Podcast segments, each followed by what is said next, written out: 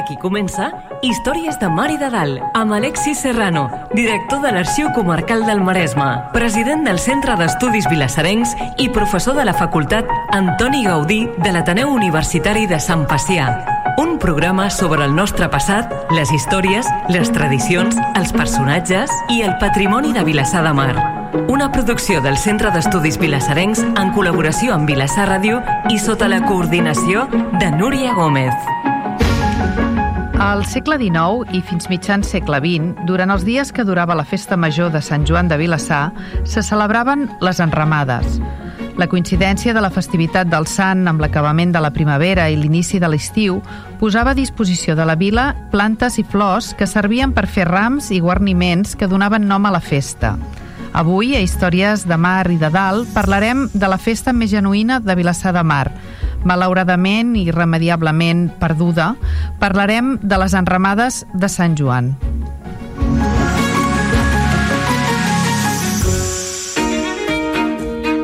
Històries de Mar i de Dalt. Entrant en matèria. Benvinguts. En el programa d'avui parlarem amb la Teresa Cert Sierra sobre les enramades de Sant Joan. I si de cas l'Alexis ens en podria fer 5 cèntims. Doncs sí, per començar, i com sempre, fem una mica de, de donar context. El, la festa, la festa és que el com que dona sentit, totes les festes, que donen sentit a les comunitats. Això ha passat sempre, passa i seguirà passant. El, en èpoques pretèrites, quan no hi havia música, o quan no hi havia la capacitat que tenim ara de tocar un play i que se sentís música, doncs per algun mitjà, doncs hi havia pocs eh, motius per tenir eh, accés a la música, perquè la música s'havia de fabricar artesanalment. Havies de posar un grup de músics que, fe, que interpretaven melodies i feien música. I això és l'únic que permetia fer ball. I per tant, perquè hem d'associar festa a ball i a música. Per tant, no sempre era fàcil disposar de músics per poder fer música, per poder ballar. I per tant, eh, això quan s'aprofitava? Doncs a les grans festivitats. Per Nadal, per les festes majors, etc etc. A casa nostra nosaltres celebrem a Vilassar celebrem la festa major amb el solstici d'estiu que és una festa important per una sèrie de motius i que l'Església, doncs, precisament, com que el solstici és una data important en el calendari, eh, perquè ja sabem que tot el nostre calendari gira entorn de, del Sol, no? la Terra gira entorn del Sol i, per tant, tot el calendari va en funció d'això, doncs l'Església va posar per al solstici d'estiu una de les figures més importants de l'Evangeli, que és eh, la persona que s'atribueix que és eh, cosí de Jesús, que és Sant Joan, que és el que el va batejar al riu Jordà. Vilassar Mar celebra la seva festa per aquesta data i eh, a partir de que a, a Vilassar doncs, tindrà la seva pròpia església, doncs aquesta devoció a Sant Joan anirà creixent. Fins al punt que en el moment que Vilassar de Mar tingui una, un municipi independent i una parròquia separada de la de Sant Genís, començarà a celebrar la seva festa com a festa major. I per tant, la festa major del solstici d'estiu, que és la festa major de Sant Joan, doncs a part de tenir tota una sèrie d'elements que són propis de, de, del solstici d'estiu i de la, de la celebració, diguem, que Catalunya es tributa a Sant Joan, doncs a part d'això té els elements propis de festa major, que són, a partir d'un cert moment, doncs l'aparició dels embalats, per la festa, etc etc aquesta nostra festa, la festa antiga, aquesta nostra festa antiga, anterior a quan tocaves play i se sentia música, doncs eh, anava marcada per aquesta, aquesta festa que anomenàvem de les enramades. La festa de les enramades consistia consistia que es triava un nois i, un, i un, uns nois i unes noies que feien parella, en parella de ball, i que eh, aquests nois eren els administradors de la festa major. I aquests administradors de la festa major tenien una escomesa, una era pagar els actes de la festa major, els actes públics de la festa major. No pagar-los de la seva butxaca, sinó aconseguir diners. Com es feia? Doncs es feia organitzant primer una ballada, per tant, contractant uns músics, eh? Es feia uns remets, no? d'aquí ve la paraula enramada, fer rams, feien uns remets que es posaven a les solapes de les, de les americanes, no? eh, a canvi d'uns dinerets, i amb aquests dinerets es pagava eh, l'orquestra i es pagaven les orquestres que vindrien per la festa major. La nostra, la nostra, la nostra enramada, per tant, mm, bascula entre Corpus i Sant Joan no? i com que eh, aquestes dates es van, van movent però les enramades tenien una festa pròpia en vigílies de la festa major però després aquests massips i enramadores, que eren com es deien aquests protagonistes de la festa diguem així, doncs aquests eren els, eh, els d'alguna manera eren els protagonistes perquè havien organitzat la festa per tant eren els que muntaven el programa perquè si no, sense aquesta administració estem parlant d'una època que els ajuntaments eren molt precaris econòmicament, per tant no hi havia pressupost municipal per fer festa, com que això no existia, s'havia de buscar de les butxaques dels veïns i aquests administradors eren els que es cuidaven de fer això. Perquè si no, la festa major que haguera estat? Doncs simplement la missa de Sant Joan, la processó de Sant Joan, que es feia a la tarda, no?, amb la relíquia de Sant Joan, i, i poca cosa més però gràcies a aquests administradors doncs hi havia, es muntaven els embalats això sí que ho feia l'Ajuntament, però llavors hi havia eh, els grups de música que eren els mateixos que tocaven la sardana al matí, després tocaven la ballada a la tarda, etc etc. Uh -huh. I per tant, aquesta festa, aquesta festa de les enramades va durar, la tenim documentada des dels anys 40 del segle XIX, no tenim massa referències documentals anteriorment, eh, sabem que més o menys la comencem a tenir documentada, no vol dir que no fos d'abans, però als anys 40 del segle XIX, i durarà fins als anys 60 del segle XX, amb alts i baixos, amb alts i baixos. I, i avui, per parlar-ne, doncs hem anat a buscar una persona que ho està treballant, eh, ho està treballant no, ho està treballant molt ho està treballant doncs, perquè té una fita marcada en el calendari que és el 2026 que el 2026 se celebrarien se celebraran els 300 anys de la de la, de l'inici de la construcció de l'església de Sant Joan i amb la Teresa i amb la Mercè Bruguera, que des d'aquí la saludem, doncs estem treballant, estem preparant doncs, tot, un, tot un, un, un treball que, que pivoti a l'entorn de Sant Joan, de l'església de Sant Joan, de la festa major de Sant Joan, de la devoció de Sant Joan, de l'advocació de Sant Joan, de les imatges de Sant Joan, etc etc etc. Tots els elements en relació a la festa, campanes incloses, però sobretot també amb aquest eh, element més propi, més genuí de la festa major que eren les enramades. Uh mhm. -huh. I ara coneguem a la nostra convidada d'avui. Històries de Mar i de Dalt. Coneguem el convidat. La Teresa Sierra feu l'accés a la universitat per a majors de 25 anys, anar a la Facultat de Geografia i Història, és llicenciada en Història General i Geografia, té grau de llicenciatura, secció d'Història Contemporània, amb el títol de la tesi La història del taxi a Barcelona, té dipl un diploma d'estudis avançats dins el programa de doctorat de món contemporani del Departament d'Història Contemporània amb el títol La utilització del ferro en el transport del segle XIX i va presentar el projecte de tesis de doctorat eh, Una via de comunicació de Cádiz a Barcelona, segles XIX i XX, a la Facultat d'Història de Geografia i Història, tot i que no va llegir la, la tesi. Ella, a la seva experiència professional, ha estat treballant a l'administració pública, ara ja és jubilada, i ha fet moltíssimes publicacions.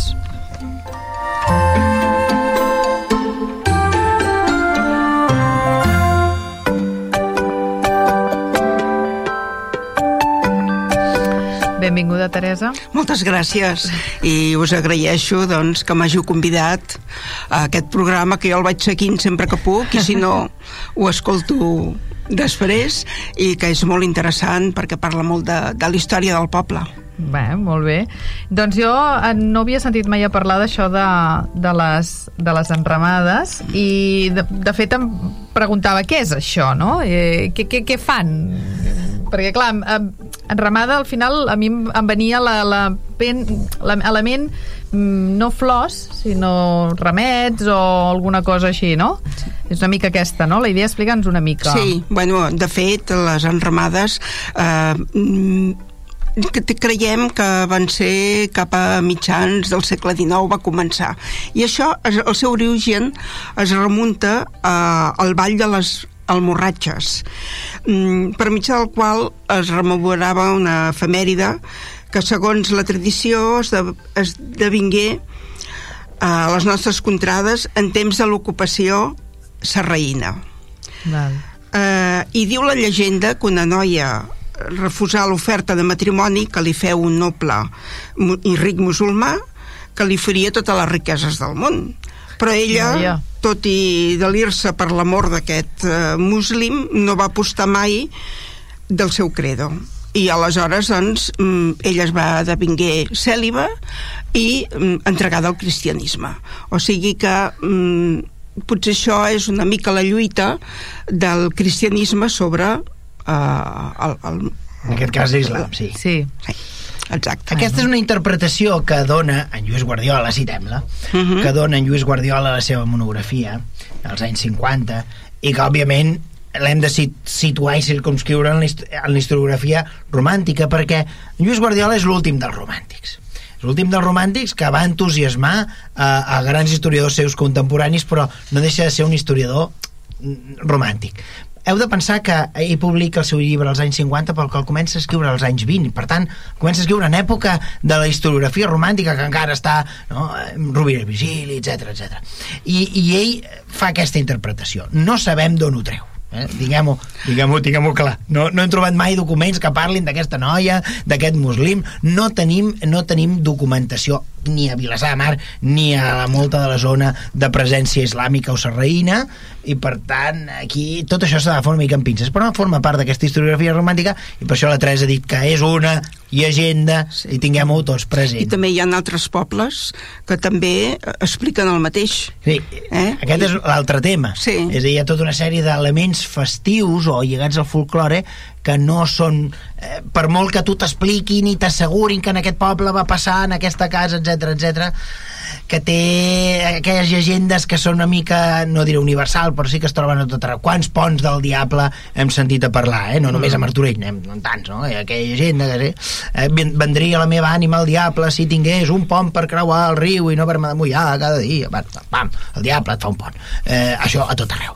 Eh, eh, les almorratxes o els balls d'almorratxes, que sembla ser que aquí s'havien fet, aquí, segurament a Vilassar de dalt, quan, quan, quan Vilassar era el Vilassar històric, eh? Vilassar de Mar, Sí. de dalt, Cabrils, tot junt, eh, segurament ja, el ball de les almorratxes es feia com a tants altres indrets.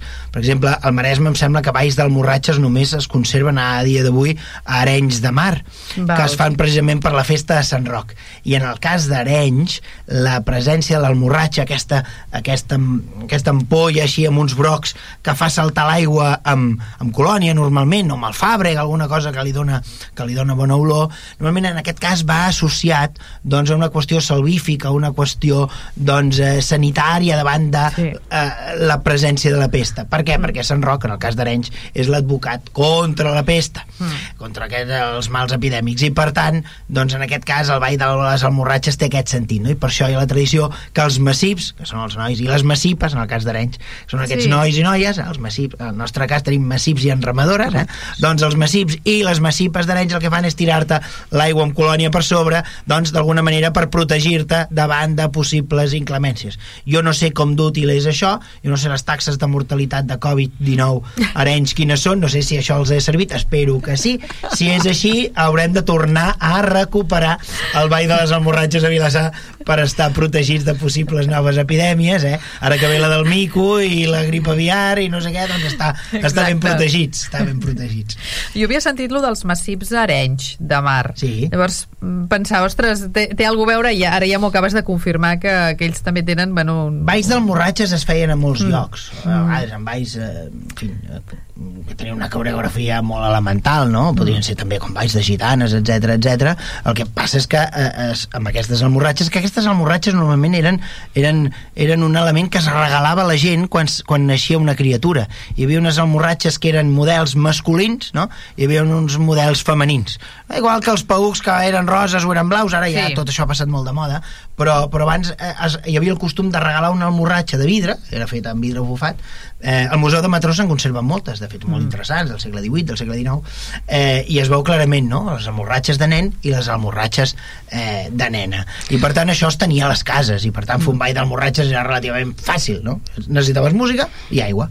I també quan acabava el ball, les noies trencaven l'almoratge a terra Ah, perquè així, doncs, eh, eh, mm, d'alguna manera Sí. així se simbolitza Sí. aquest trencament Exacte, no? sí. amb, aquest, amb aquest pretendent musulmà no? Val. no, nosaltres trenquem eh, les possibles relacions que haguem pogut tenir amb aquest musulmà que ens oferia el oro i el moro, ens oferia Sí, sí, totes les tot. riqueses del món, eh? Clar. eh? I llavors, doncs, d'alguna manera, la cosa curiosa és que hi ha moltes altres cultures que tenen tendència a trencar coses Sí. en el moment del brindis, no? Sí. Ah, quan la Teresa deia això, jo m'imaginava els russos no brindant Tirant i, i llançant les- la copa enrere. I els Eh, jueus també ho fan quan es casen. Sí. O, per exemple, Bueno, que trepitgen la copa, no? amb la Sí. botadura amb la botadura d'una nau Mm. també, no? Mm, que tires al- una, sí. una ampolla dir, hi ha elements que són auguritzants Mm. el fet de, de trencar un element que està sencer té, té un element encara que sembli paradoxal no? el que, del, en aquest cas el que es busca és això, és, és buscar un bon auguri en aquest cas el que estem dient és no, Mm. la nostra fe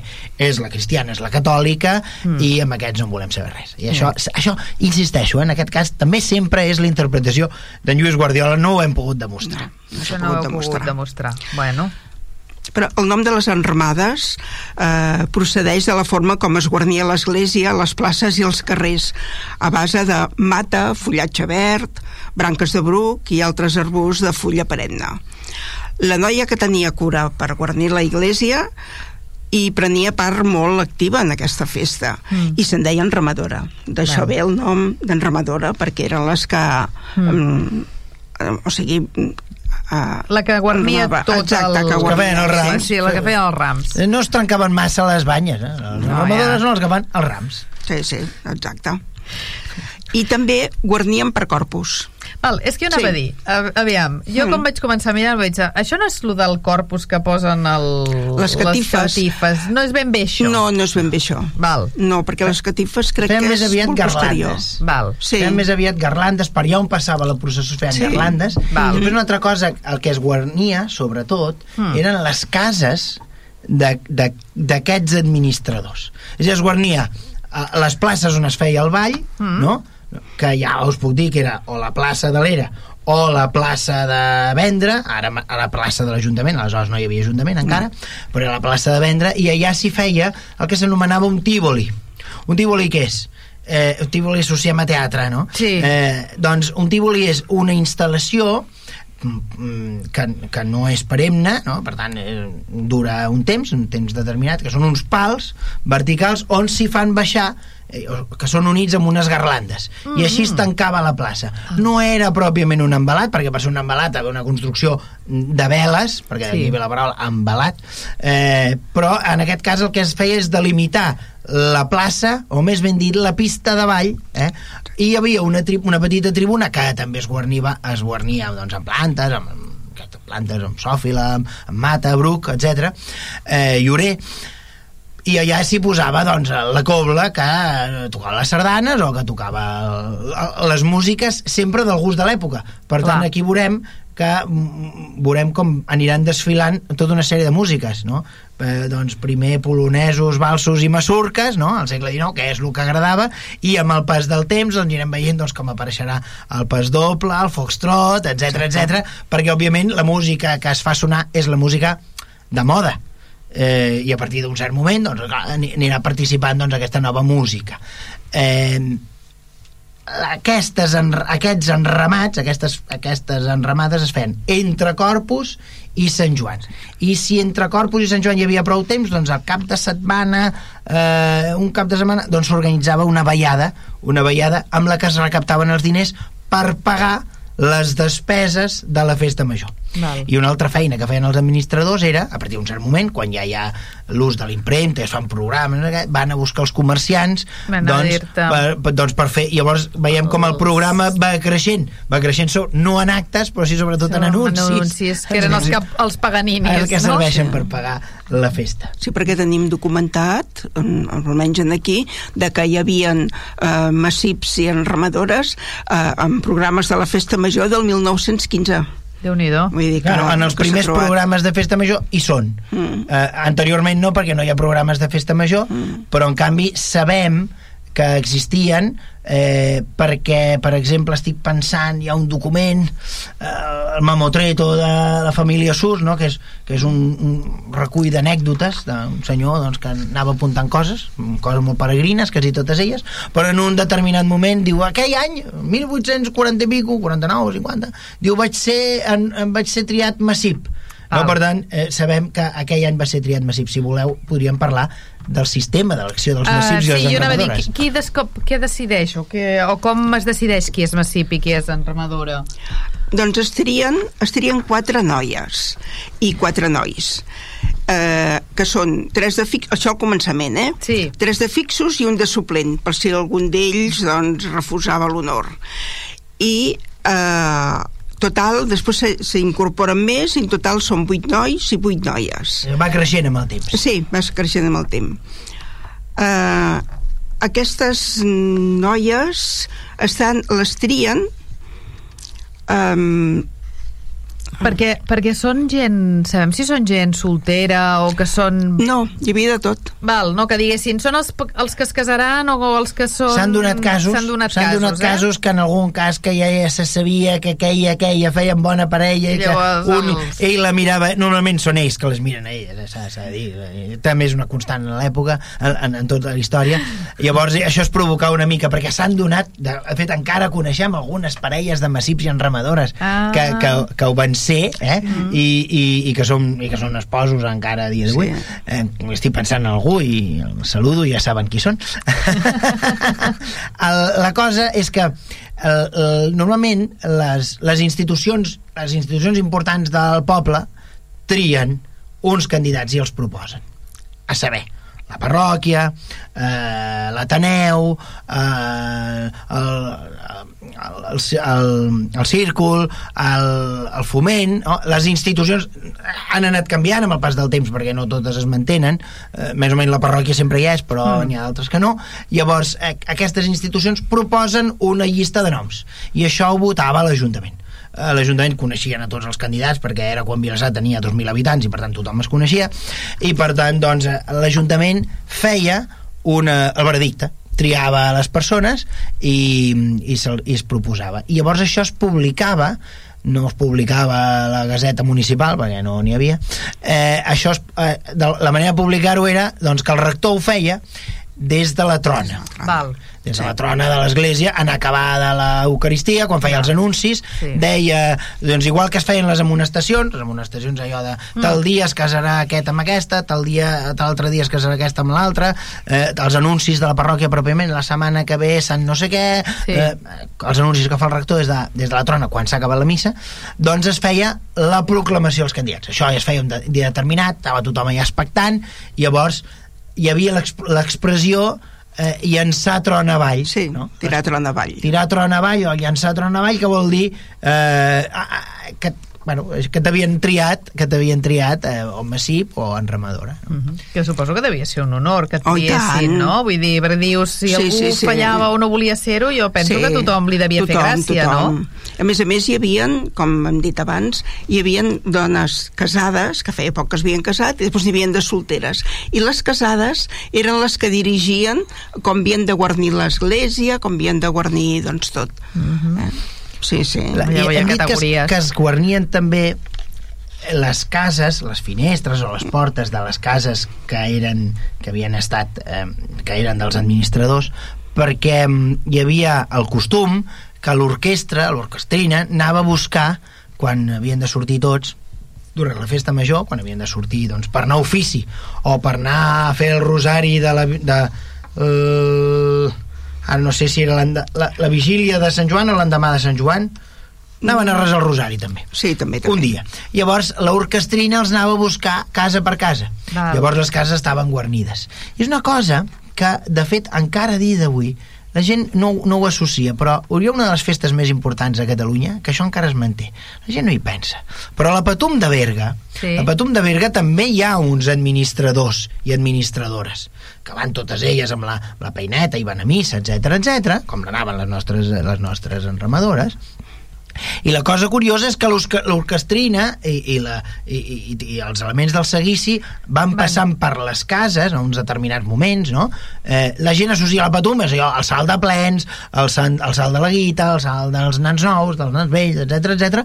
però no pensa tant en aquest seguici que es fa pels carrers, que es va de casa en casa i que per tant el circuit va canviant, perquè cada any és una casa o una altra, i aquestes cases es guarneixen i els massips i les enramadores posen, posen veure per, per tot, pels músics, Val. bàsicament pels músics, perquè mm. ben, a l'hora de la veritat, quan hi ha un porró i veu tothom, Sí. com és lògic també, Sí. eh, i llavors doncs la circumstància e- és aquesta, és a dir, la, la, els nostres les, també es guarnien aquestes cases. De fet, encara penso, hi ha uns veïns de Vilassar que encara conserven les inicials, les inicials d'una rebesàvia seva que havia sigut eh, en Ramadora, que vivia al carrer de, al carrer Montserrat, al carrer Montserrat hi ha algunes cases que tenen balcó. En aquest cas van guarnir el balcó. Llavors, doncs, estava el, el, el balcó guarnit i van fer unes inicials amb, amb una fullola, que encara la Ah. tenen, pintada de blanc, amb uns foradets on hi anaven tot de clavells, posadets, eh? la, els clavells ja no hi són, No, com us clar. podeu imaginar, però en canvi eh, aquestes lletres jo les he vist, me les han ensenyades i, i, i estaven al balcó, per tant ens serveixen per fer-nos una idea de com eren aquestes de- d'aquestes decoracions. Era un gran prestigi, un gran honor ser massip o enramadora, perquè òbviament totes les mirades estan posant si anaves guapo, si anaves ben vestit, però també és veritat que era una despesa i no tothom s'ho podia permetre. Clar. No. que a més a més eh, això hi havia un, com una normativa al matí el seguici es muntava per anar a casa de la primera enramadora i anàvem fins al temple el se la segona cercavila anava des del temple a la casa de la segona enramadora on tenia lloc el refrigeri que hem dit Exacte. abans tot, tots acompanyats per l'orquestina eh? Sí, sí. Bueno, i, i altres I autoritats, sí. i Sí, els serenos... Sí, els serenos i tot, sí. A la tarda de la casa de tercera enramadora s'iniciava la desfilada per anar a passar el rosari a l'església. I això després s'anava cap a la quarta enramadora a berenar. I més tard, doncs, ja anaven al ball. Clar. I això pues, acabaven mm, quasi, quasi pues, bueno, a, la, a la posta de sol, que és quan Clar. Eh, ells hi havia tota una, que una jerarquia d'enramadores. Aquí alerta, aquí Clar. alerta que la importància és l'enramadora, no és la del massip. No, No. clar. Perquè en aquelles societats antigues, jo no, ara no em vull posar en un jardí, però sí que és veritat que les esferes estaven molt separades. Les esferes estan molt separades. Eh, els homes es cuidaven d'unes coses i les dones d'unes altres. Mm. Però en aquest cas l'organització de la festa, la festa es diu de les enramades, Sí. i, i, i, la, i, la, i la protagonista són les enramadores. Els massius són és això, són els, els que les acompanyaven. Els acompanyants, Són sí. els nois de companyia. I els Sí. paganinis. I, i bueno, Oh, sí, clar. això també, això també. Però la realitat és aquesta, no? La- L'enramada és una festa eh, no una festa femenina, però sí una festa organitzada per dones. I no seria una mala cosa que, que bé, que ara que hi ha aquesta efervescència fem- feminista, que a mi em sembla la mar de bé qui sigui, doncs que a- amb, amb aquest motiu doncs poguérem recuperar una, una, una festa històrica. Seria una bona sí. cosa. No, no, i tant, i tant, això segur. No, no, estaria bé. També m'agradaria parlar una miqueta del vestuari. Ah, clar, Que perquè duien. devien anar mudats, no? Vull dir, no hi Mentre que els anar... massips havien de dur un vestit jaqueta de rigorosa etiqueta, Mm. elles duien un, un elegant vestit blanc que pretenia explicar la puresa de la noia. Aquella noia que havia rebutjat el musulmà, que li havia Exacte. promès totes Clar. les riqueses del món si abandonava el seu credo catòlic, doncs, Doncs aquí, aquí- un altre cop apareix la puresa. Per això la, la flor blanca és l'associada a la festa de les enramades. El Val. clavell blanc, sobretot. Val. El vestit d'elles era un element més vistós de la festa, sobretot pels complements que duien, com el ventall, la xulona, amb la pinta i la mantellina, els guants, l'ombrela, vull dir que anaven... I jo recordo, de, de petita, tinc com una visió de veure passar les enramadores i els massips pel carrer Sant Joan, Mm. jo havia, suposo que anava amb els meus pares, amb la meva mare, i vaig veure tota una colla de gent i elles vestides de blanc. És que tinc aquesta imatge, però no em feu dir què, perquè jo era llavors devia tenir uns 7 o 8 anys. No, perquè que això tenia es fosilitza, aquesta moda, Sí. eh, és a dir, quan quan eh, aquesta festa se celebrava, diguem-ho així, amb una certa normalitat, doncs a l'època del Titanic, perquè, ens, perquè pensem en aquelles dones amb aquells vestits, no? amb, aquell, amb aquells corsers, mm. en fi, no? i llavors aquí entra de ple la mantellina, el parà, l'ombrela, etc etc. no? Però això és la calor que devien això passar és- ple Sant Joan Ah, exacte. vestides així. Però això es queda, es fosilitza i Mm. després donarà un, una... eh, És a dir, arribarà als anys 60 al segle XX ningú va amb ombrella ni amb guants. eh, els anys 60 són l'època iaier, ja n'hem parlat, la gent no vesteix així, la gent vesteix de colors. Mm. I, I en canvi, doncs es manté això. I de fet és un honor, i de fet hi ha una gran quantitat d'enramadores que ho són perquè les seves mares i les seves àvies i probablement les besàvies ja ho havien estat i moltes d'elles poden aprofiten aquell dia per lluir l'ombrela de la besàvia, el vano de la mare, eh, els guants de, de la tieta que tu havia estat i per tant veiem que hi ha uns elements que són gairebé arqueològics mm. que, que apareixen a les fotos de, dels anys 60 però que quan parles amb, encara vam tenir la sort de parlar amb aquella gent que havien sigut eh, enramadores en aquells anys, et diuen, sí, sí, però aquesta ombrella no era... Clar, normal. Clar. Aquesta ombrella feta en punta, blonda, fetes que són, que ja veus que són del segle XIX. Sí, era de la meva àvia, em va dir que me'l deixava amb la condició que no el fes malbé, no què, i anàvem amb una cura, perquè, clar, clar tenia 100 anys, allò. Sí, clar. I anàvem pel carrer amb allò. Però eh, això es manté, i de fet és un dels elements més, més recordats. Clar, és que... Bueno, jo no eren puc imaginar, eh? Vull dir, totes... No eren les pobilles, no eren no, les pobilles, no, eren no. les enramadures, i en tenien sí. més. No se'n triava una, se'n triaven, doncs això, quatre, quatre, i quatre. després sis i després vuit, mm. que al final són una colla, perquè clar... Sí, sí, sí. Però de totes maneres també hi havia categories, perquè estava explicant el recorregut, vas a la primera, sí. en aquella vas a buscar-la, després sí. a, una jerarquia, a la segona, o sigui sí, que, sí, sí. que també devia haver-hi un ordre i una jerarquia i no és el mateix que t'escollis escollissin la quarta que la primera. Clar. No. Ah, Clar, de, també... fet, de fet, el veredicte el veredicte anava més en, la, en aquesta línia. Quina serà la primera, quina serà la segona, quina serà la tercera. Perquè, de fet, quan ja el rector et proposa de candidat, a tu ja has dit que sí, ja has dit sí. que sí el rector. I si el rector proposa a l'Ajuntament, qui és el guapo eh, de l'Ajuntament que li dirà al rector que la seva candidata no val. Per tant, ja se sap que aquella noia serà enramadora aquell any. El que no se sap, i aquesta és la gràcia del verdicte, si serà la primera, si serà la segona, si serà la tercera que efectes pràctics tampoc hi havia molta d'allò, però, però aquestes coses comptaven, no, sí. aquestes no, coses comptaven. Efectes no? pràctics possiblement no, però sí que efectes de, de protocol no és el mateix ser la ah, primera que ser la quarta. Està clar, clar. està clar. Ah, que et vagin a buscar la primera, que et vagin a buscar la quarta. Bueno, que la quarta van a berenar, també, eh? Sí, també, també. Aquesta té de fer més despesa. Sí, sí clar, perquè es havien de preocupar sí. les famílies, doncs, de, primer dels vestits d'ella. O sigui, ells, per exemple, pagaven la festa, però elles es havien de pagar tots els vestits, la família es havia de pagar els vestits i havien d'anar, doncs, super elegants, perquè eren vestits molt, molt macos, vull dir, mm i amb unes teles molt bones, vull dir que no, no com un tergal o com aquestes no, coses que, que es porten ara, no? Uh mhm. -huh. I, fet, costaven encara, diners. Encara hem conegut eh, dones que els hi haguera fet una grandíssima il·lusió i de fet ho volien però a casa no s'ho podien permetre i per tant doncs eh, no va poder ser perquè clar, òbviament era una despesa i la cosa és que ja que els últims anys, no, als anys 50, als anys 60, els vestits són dos perquè eh, ja no vas al ball amb un vestit blanc Oh. Llavors al ball vas amb un vestit modern, amb un vestit mm. lleier, diguem-ho així, amb un vestit de color, per tant, eh, però han de ser dos vestits nous. Fer-se dos vestits nous un dia... Normalment la gent estrenava vestit nou per Pasqua. Sí. En general, sí. de fet encara alguns ho recordem, no? Per sí. Pasqua s'estrenava. Sí. Eh, en èpoques pretèrites, com més enrere anem, els vestuaris s'escurcen més. No? I a vegades és, és fàcil tenir l'armari de l'àvia, perquè l'àvia només tenia un armari. no? I sí, per això era relativament fàcil que tu tinguis sí. l'armari de l'àvia, no? Era una peça del Cert. segle XIX, perquè i allà li cabia tot. Sí. Eh, jo... I segurament li sobrava lloc. I sí, i li, mm. i li sobrava sí. espai. Però clar, vol dir que un any extraordinari per Sant Joan t'havies de fer fer dos vestits perquè te'ls havies de fer no, no existia la botiga de, de roba que tu anaves i estava el vestit fet te l'havien de fer a mida i per tant era una gran despesa i clar, feia molta il·lusió però també hi hauria molta gent doncs, que tindria que no, molta clar. enveja mm. Sí. Hi havia per això uh, filles de naviliers, eh?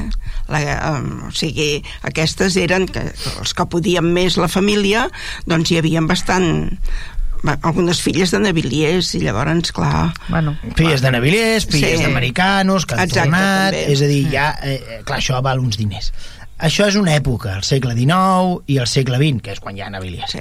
Els anys 50 i 60, els anys 40, 50 i 60, eh, els que tenen diners són els pagesos, Exacte. perquè la patata ha sí. reportat molts beneficis. Mm. Després seran els clavells, que seran el, el motor social, de, eh, el motor econòmic eh, i l'ascen- i l'ascensor social de, del municipi i per tant eh, a partir d'un cert moment veurem que els massips i les enramadores són gent més aviat de pagès. Sí. No? Hi, ha, hi, ha uns, hi ha un moment de frontissa als anys 20-30 que hi ha una mica d'aquí i una mica d'allà, però a partir dels anys 40 ja bàsicament són gent, diguem-ho així, de terra ferma. Són, sí. gent, són gent pagesa, de famílies sí. pageses.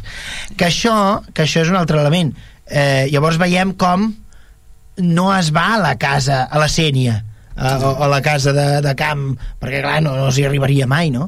I, i en canvi, doncs, clar, com que tots tenen alguna propietat o la tieta o no sé què, doncs llavors doncs, de, el recorregut es fa per les cases a les cases, diguem-ho així doncs, de, Del- de, del centre del poble, del no? nucli, Mm. que no era massa extens també, diguem-ho, del carrer Colonna en avall eh, bàsicament era, era això no? Sí, sí, sí. i del carrer Cuba cap, a, cap a aquí i del carrer de la Riera d'en Cintet cap aquí per tant el municipi s'acabava de seguida per tant i aquest, aquesta era la geografia doncs, de les possibles Mhm. de les possibles cases dels massips i les enramadores Molt bé.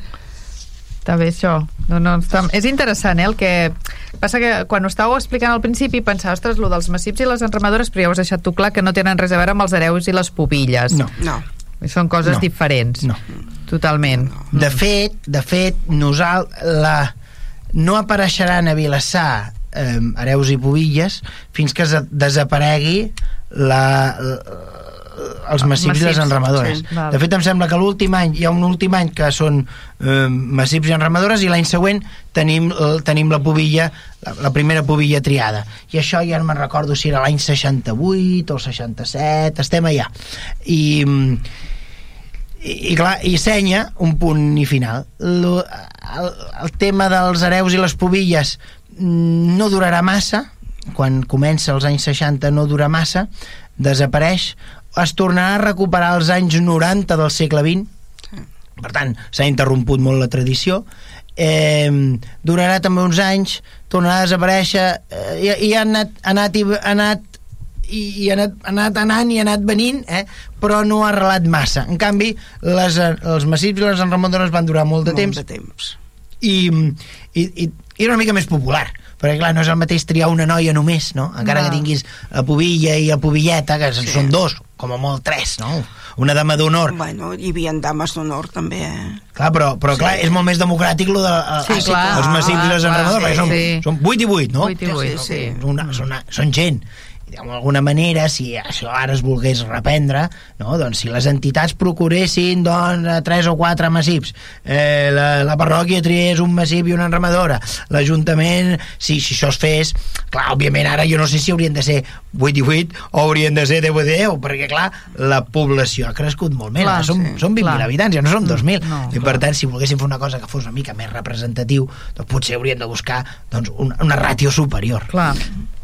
Però bueno, això seria... sí, Això és eh, especulació pura. És difícil, és difícil perquè si el pubillatge també ha costat molt que ara es torna a reprendre, sembla Sí. sí. ser que torna, torna Sí. a començar però bueno, a altres pobles ha continuat i en canvi en aquí no i ara mm, perquè aquest any ha sigut pubilla una nena que havia sigut pubilleta Mm. i sempre deia que havia parlat amb ella i sempre em deia jo vull arribar a ser pubilla Bueno, i Bueno. llavors tot allò es va trencar i ara doncs s'ha tornat a reprendre Però però, veus? no sé quan durarà no, no, és que això és difícil de preveure. Sí, Sí. no ho sé. La, Més la, amb... la cosa interessant, però, quan parlem de- de- d'aquestes festes tradicionals, totes aquelles festes, dona la sensació, no? Totes aquelles festes que van sobreviure al 68, Sí. aquell 68, que a vegades parles amb historiadors i dius, sí, se'n va parlar molt, però quin és l'impacte? Jo crec que l'impacte del 68, de 1968, no? la revolució, la revolució cultural del 68. La revolució cultural del 68, els efectes, alguns dels efectes que no són aquells primers que els historiadors posen sobre la taula, però sí que hi ha uns efectes col·laterals, són aquests. Hi ha un trencament nítid amb tota una sèrie de tradicions. I en aquells municipis on el 68 no va suposar la fi d'una tradició secular en molts casos, doncs s'ha mantingut fins a dia d'avui. Anem a buscar algun exemple. Hem parlat abans De de, la de, Patum, no? de la festa de Sant Roc, hem parlat de la Patum. Sí. Allà el 68 no va causar cap mena de- de- de- d'impacte, o no com perquè la, la, la festa es posés en suspensió, com que no es va posar en suspensió un any i un altre i un altre, doncs, doncs s'ha mantingut. I ara és, són patrimoni de la humanitat, sí. o estan reconegudes doncs, per la Generalitat com a festes d'interès cultural, etc etc. Mm, aquí no va passar això. Ja, ja no, no es pot no es, ara no es pot refer eh, és difícil tornar enrere, és impossible mm, sí. però la realitat és que sí que podem treure alguns aprenentatges i els aprenentatges són aquests que, que hi ha hi ha una idea del que és antic i d'una idea del que és modern. El que és modern no és que es construeixin coses noves, perquè no se'n construeixen de festes noves, de nou cuny, no? vindran d'altres coses, no sé, incorporarem correfocs que abans no es feien, es feien sí. a llocs molt concrets, però, però no aquí, o castellers que abans no en teníem i ara en tindrem, no? Penso pel cas de Matró, per sí. exemple. Però en canvi, per exemple, la, mm, tot allò que anava més associat a la tradició religiosa, això és el que desapareix. Matró, per exemple, la processó de les santes, que era el que donava sentit a la festa major, era l'ofici de les santes, que després serà la missa de les santes de Mossèn Blanc, no, que hi ha gran música, però després l'altre gran element era la processó. Això desapareixerà i ens haurem d'inventar altres coses ens haurem d'inventar altres coses, que sí que surti la, la mumarota i la mumaroteta, sí. que en veritat eren elements vinculats al carnaval, llavors s'incorporen al seguici, però ens inventem coses noves perquè el que importa ara és innovar. Mm. I innovant trenquem amb la tradició. Mm. I no sé si això es fa cons massa conscientment o inconscientment, però és el raonament que jo faig ara eh, des d'un punt de vista de la, la, la perspectiva de l'historiador. Si tinguéssim a la taula algun antropòleg ens ho podria explicar amb més profunditat, segurament. Mm. Però la realitat és que ho veiem, que a Catalunya hi havia tota una sèrie de festes i tradicions vinculades, no sé què, una processó, alguns fe, eh, unes festes que ja hi havia una mica de tot, hi havia folklore, hi havia dansa, hi havia... I, i a partir dels 60, sobretot 68, 69, finals dels 60, eh, van desapareixent. I és el cas també de les nostres enramades. Mm -hmm. sí, sí. Heu, heu fet un treball de, de documentació d'entenc de, de, d'aquesta festa, heu buscat, suposo que ens hem aprofitat de l'arxiu... Sí. I, de... que, I que hi ha un vídeo que varen fer fa uns anys, el Centre sí? d'Estudis va fer sí. un vídeo mm -hmm. i que jo del treball que, que, que he fet per la presentació una trobada de, de recerca local i comarcal sí. del Maresme vaig treure molta cosa del, del vídeo aquest. Vídeo. El vídeo eh, anava participat per l'Institut Ramon Montaner i per l'Institut l'Inventari i el Patrimoni Etnogràfic de Catalunya. Llavors, la idea era eh, hi havia una subvenció a la que ens vàrem acollir per eh, eren projectes de memòria oral, de memòria popular oral. Llavors el que vam fer, vam, ser, vam agafar, eh, encara vam poder entrevistar eh, els últims nacips i enramadores i, i, ens van, i altra gent, doncs, que òbviament coneixia la festa, perquè havien participat de la festa sense ser massips i enramadores i també van donar-li una altra perspectiva, no?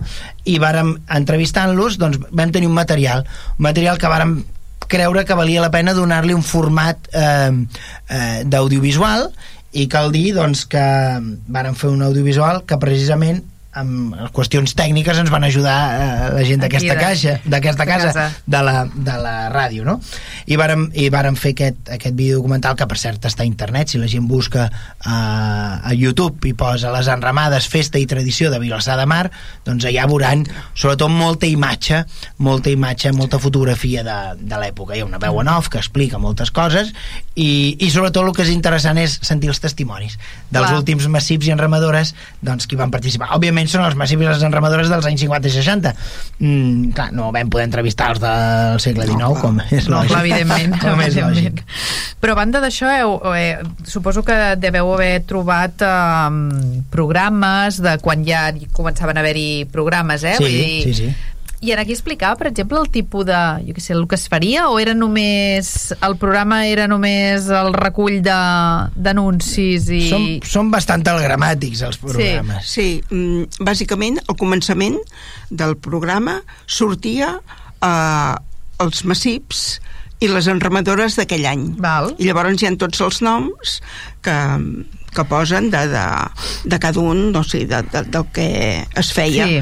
Però mm, no hi havia res més. I això era el començament del programa. Val. I són els que se'n cuidaven, doncs, una mica de, de pagar la festa o ajudar amb algun tema d'aquests amb l'Ajuntament, no?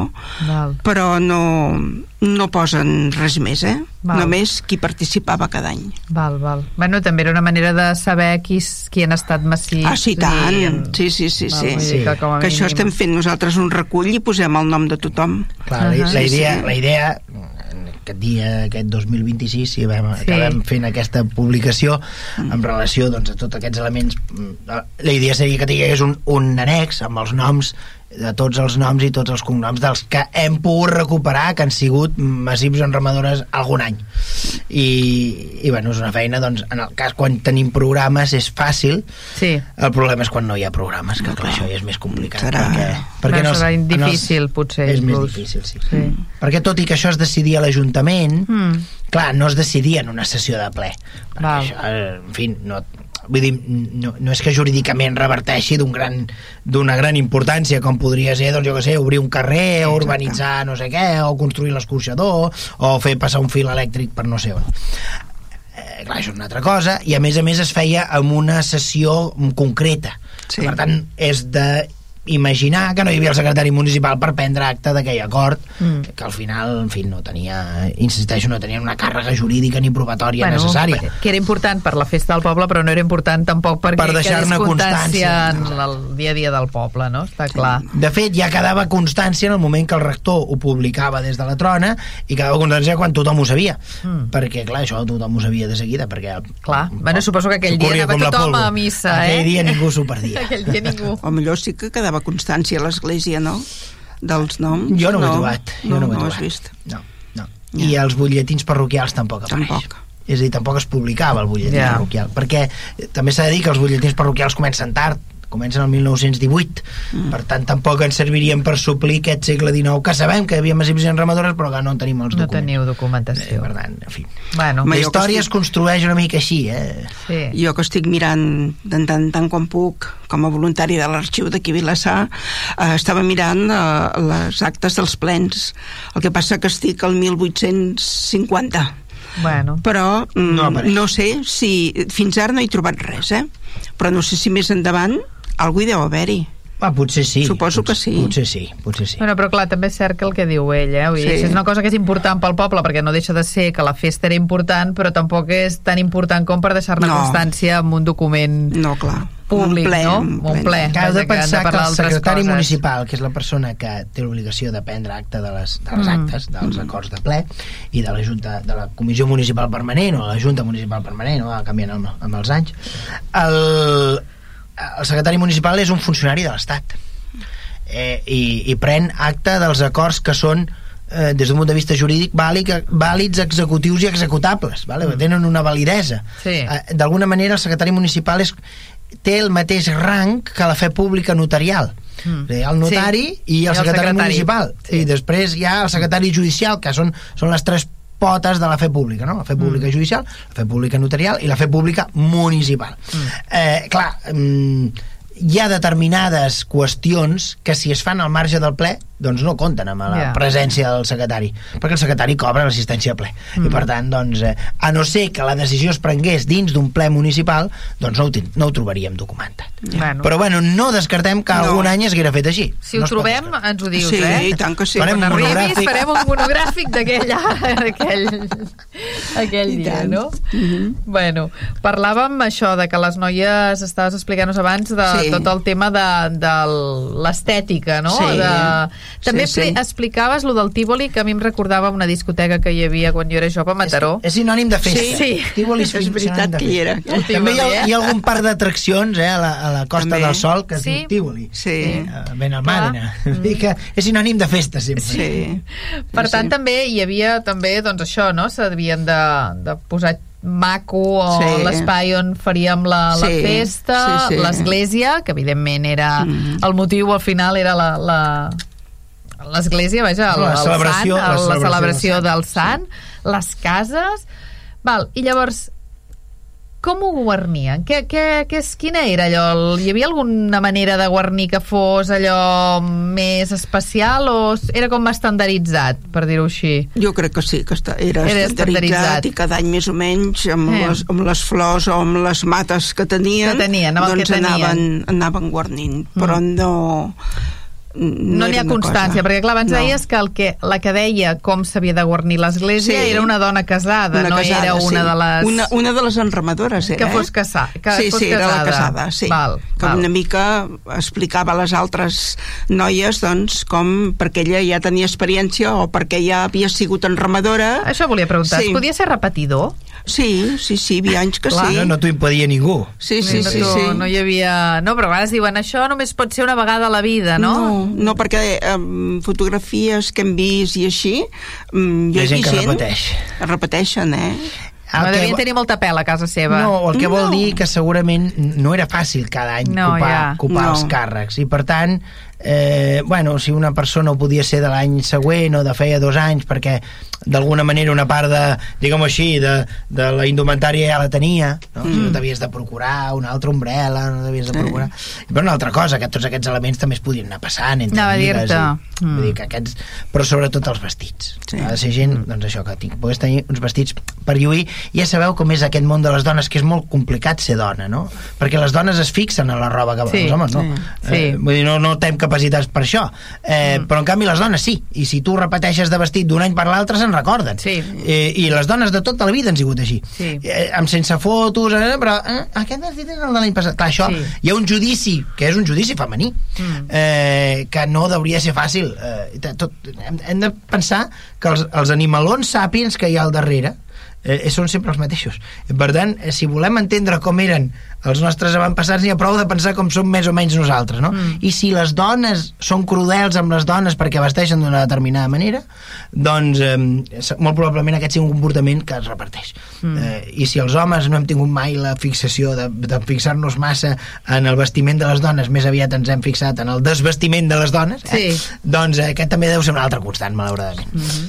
Perquè a més a més havien d'anar a buscar la roba, no ho tenien aquí, anaven normalment a Barcelona a comprar-la. I després, doncs clar, es havia de fer el vestit, que havia de fer una modista, i a vegades, doncs clar, eh, n'hi havia bastantes de modistes, eh? Sí. I clar, mm, algunes, eh, no, amb aquesta no anem perquè eh, millor amb aquesta altra, i una mica ja sabem com és el... Perquè és diferent al segle XIX que al segle XX. Perquè nosaltres fem paquet, eh? Sí. Però és diferent al segle XIX que al segle XX. Al segle XIX quasi totes les dones saben cosir, brodar, eh, sergir... Ho saben, ho saben fer? No ho saben fer. Ho saben fer molt bé. Mm. Molt bé. Sí. I en canvi al segle XX les dones s'han incorporat al mercat laboral. I per tant, dones, la- moltes dones saben cosir Mm. i sergir lo elemental, Sí. però no fer patrons i fer-te un vestit. Mm. Llavors, a partir d'aquí sí que s'ha d'anar una professional. És a dir, mm, totes les nostres àvies sabien cosir i sergir, Mm. però no totes sabien fer patrons. I, Clar. aquesta, I aquesta és la diferència. Però hi ha una neta diferència. Al segle XIX era relativament senzill. Necessitaves tela, i prou. I en, perquè Perquè a- ten, a- temps en tenies. temps tenien i tenien un coneixement, però a més a Mm. més secular. Mm. I per tant, a més a més hi havia un interès de dir, no, jo vestiré la meva filla millor que les altres perquè però hi havia aquest coneixement, però en el moment que les dones s'han incorporat al mercat laboral, això desapareix. Clar. I per tant, aquí hi ha un cost suple, com, complementari, que has de pagar-li les jornades de feina a una senyora que viu d'això, de, Mm. de, viu de fer vestits, de trajos, etc etc. I clar, i, i canvia molt. Nosaltres, insisteixo, sempre fem paquet, Mm. però, però el pas del temps eh, sempre una cosa que s'ha de tenir en compte. És cert, és cert, jo no m'ho havia plantejat això i és veritat, i ara ja ni, ni, surgi, ni, ni lo bàsic gairebé Ara no, ni, eh? ni el més bàsic, certament. No, Segur, no, certament. no, segur. Molts no en saben. No, Sí, sí. és que té la jo, seva... encara la tinc, seva... jo encara tinc sort que vaig passar moltes temporades amb la meva àvia. La meva àvia era una d'aquelles dones fora de temps que encara sabia fer patrons i, i vaig aprendre molt de, de cosir. Vaig passar moltes temporades perquè tenia una pèssima salut quan era petit Mm. i tocava estar a la vora de la meva àvia que vivia més a la vora de l'hospital clínic que era on et tractaven i, i vaig aprendre moltes coses de la meva, de la meva àvia. En canvi, la meva dona doncs, eh, no va passar tantes hores amb les seves àvies i, i a casa qui cus, quan s'ha de cosir el més bàsic, doncs és un servidor. Mm. I, és, és, un, bueno, és el signe dels temps. Mm, sí, sí, sí. No? Sí, pot ser, pot ser. Jo vaig anar a aprendre a cosir quan Jo era també. petita. Sí. Eh, Jo t'entretenien portant a la modista que feia classes. O, o fer puntes de coixí. Bueno, puntes o de cosir. coixí ja no. Sí, jo havia anat, clar. I havia se'm donava fatal, coses. eh? Vull dir que No, tampoc. Jo, jo havia fet les dues coses, sí, sí. sí, sí. Bueno, és- són moments d'educació de, de, d'educació i, bueno, i, de, i de maneres de, de societats diferents, però Sí. és cert que, que pensem en els segles fin, principis del, del 20 i del 19 ho enxufem tot, tot és que és eh? fàcil, Sí. quan pensem en el passat, dir Mm. abans tots, Sí. abans totes, Sí. abans la gent, Sí. i tu dius... mm, Bueno. Anem a puntualitzar-ho, tot això. Mm. I la feina una mica nostra és, és això, és de, és de quan la gent diu és que la gent a l'edat mitjana eren tots uns els tultos que no sabien llegir i escriure bueno, parlem-ne, Eh, sí. eh, parlem-ne perquè a l'edat mitjana mai ningú es va somiar d'escriure que la Terra era plana. Mm. eh, tots els tractats que parlen parlen de que la Terra és rodona. Mm. i en canvi a dia d'avui que tothom Sí. té accés a escriure, a llegir i a publicar coses, ni que sigui per les xarxes doncs es publiquen coses com això, no? Que la Terra és plana. Vull dir que, en fi, cada vegada que anem a, dir, a, a, a- fer recurs de dir abans tots, puntualitzem-ho Per la boca, el 2026 faran 300 anys de l'Església. de l'inici de la De l'in- construcció de l'església que portarà a la segregació parroquial Val. I fareu, esteu preparant cosetes, esteu preparant un treball, un llibre, alguna la cosa nostra així? intenció seria publicar una monografia Mm? en relació doncs, als elements de, la, de festius de la festa major Val. iniciant parlant del culte al sant, eh, el que dona raó de ser a tota, Mhm. però després doncs, a tots els altres elements festius eh, els focs artificials eh, els gegants eh, la penjada de l'asa tots els elements que giren a l'entorn de la festa major i que tenen una certa solera doncs des de la fira a la, la coca eh, i llavors la intenció és una mica reconstruir tot aquest aquesta constel·lació a l'entorn de la festa major. Eh, per exemple, doncs, jo què sé la, la flama del Canigó. Ja té la seva història perquè de seguida farà 30 o 40 anys que, que la flama del Canigó doncs, és un element incorporat a la nostra festa major. Doncs per tant, doncs, hi serà aquest element no? la intenció és doncs, fer una, una, una història de la festa major Val. I per tant hi haurà un apartat que és el que esteu treballant de totes aquestes... una part Sí, una part. Sí, clar. Sí, sí, sí. Sí, sí, un capítol serà les enramades Sí, clar. Capítol o dos, i potser. després hi haurà un altre capítol que serà la Rierada i parlarem Sí. doncs, de la divisió del municipi en els tres colors i dels mestres d'aixa dels, dels pescadors, dels pagesos i parlarem una mica de tot això que alguna, alguna alguna cosa també hi tenim a veure des del centre Mm. d'estudis perquè la idea de tot això eh, els hi varen Sí. proposar a l'assemblea de joves els hi varen proposar a nosaltres perquè si no de què mestres d'aixa si no de què I ara ho ho ha plasmat la Pilarín Vallès, Vallès Exacte. en el Ah, sí? mural En el aquell mural, que ha fet i ha fet els tres estaments Sí, sí, sí, eh? sí, sí. Els, els pagesos, mestres d'aixa i pescadors De fet, quan ho I a vaig veure em va caure la llagrimeta. Vaig dir, d'alguna manera hem Sí. posat la llavor de tot això. Sí, no? Sí, sí, era molt... És curiós, vull dir, molt maco. Bueno, doncs se'ns acaba el temps. Molt bé. Encara que aquí sembla que no hagi d'arribar al final, però, però ens ha arribat. Moltíssimes gràcies, Teresa, per aquesta estona i per tot el que ens has, has explicat. I doncs Molt bé. això. Vull moltes gràcies a vosaltres. Doncs hem arribat al final del programa. Eh, recordeu que podeu escoltar el programa a través de vilassarradio.cat i a Spotify buscant Històries de Mar i de Dalt. També us podeu subscriure al canal de Spotify per rebre el programa cada setmana. Adeu i fins al proper programa. Històries de Mar i de Dalt, un programa sobre el nostre passat, les històries, les tradicions, els personatges i el patrimoni de Vilassar de Mar. Una producció del Centre d'Estudis Vilassarencs en col·laboració amb Vilassar Ràdio i sota la coordinació de Núria Gómez.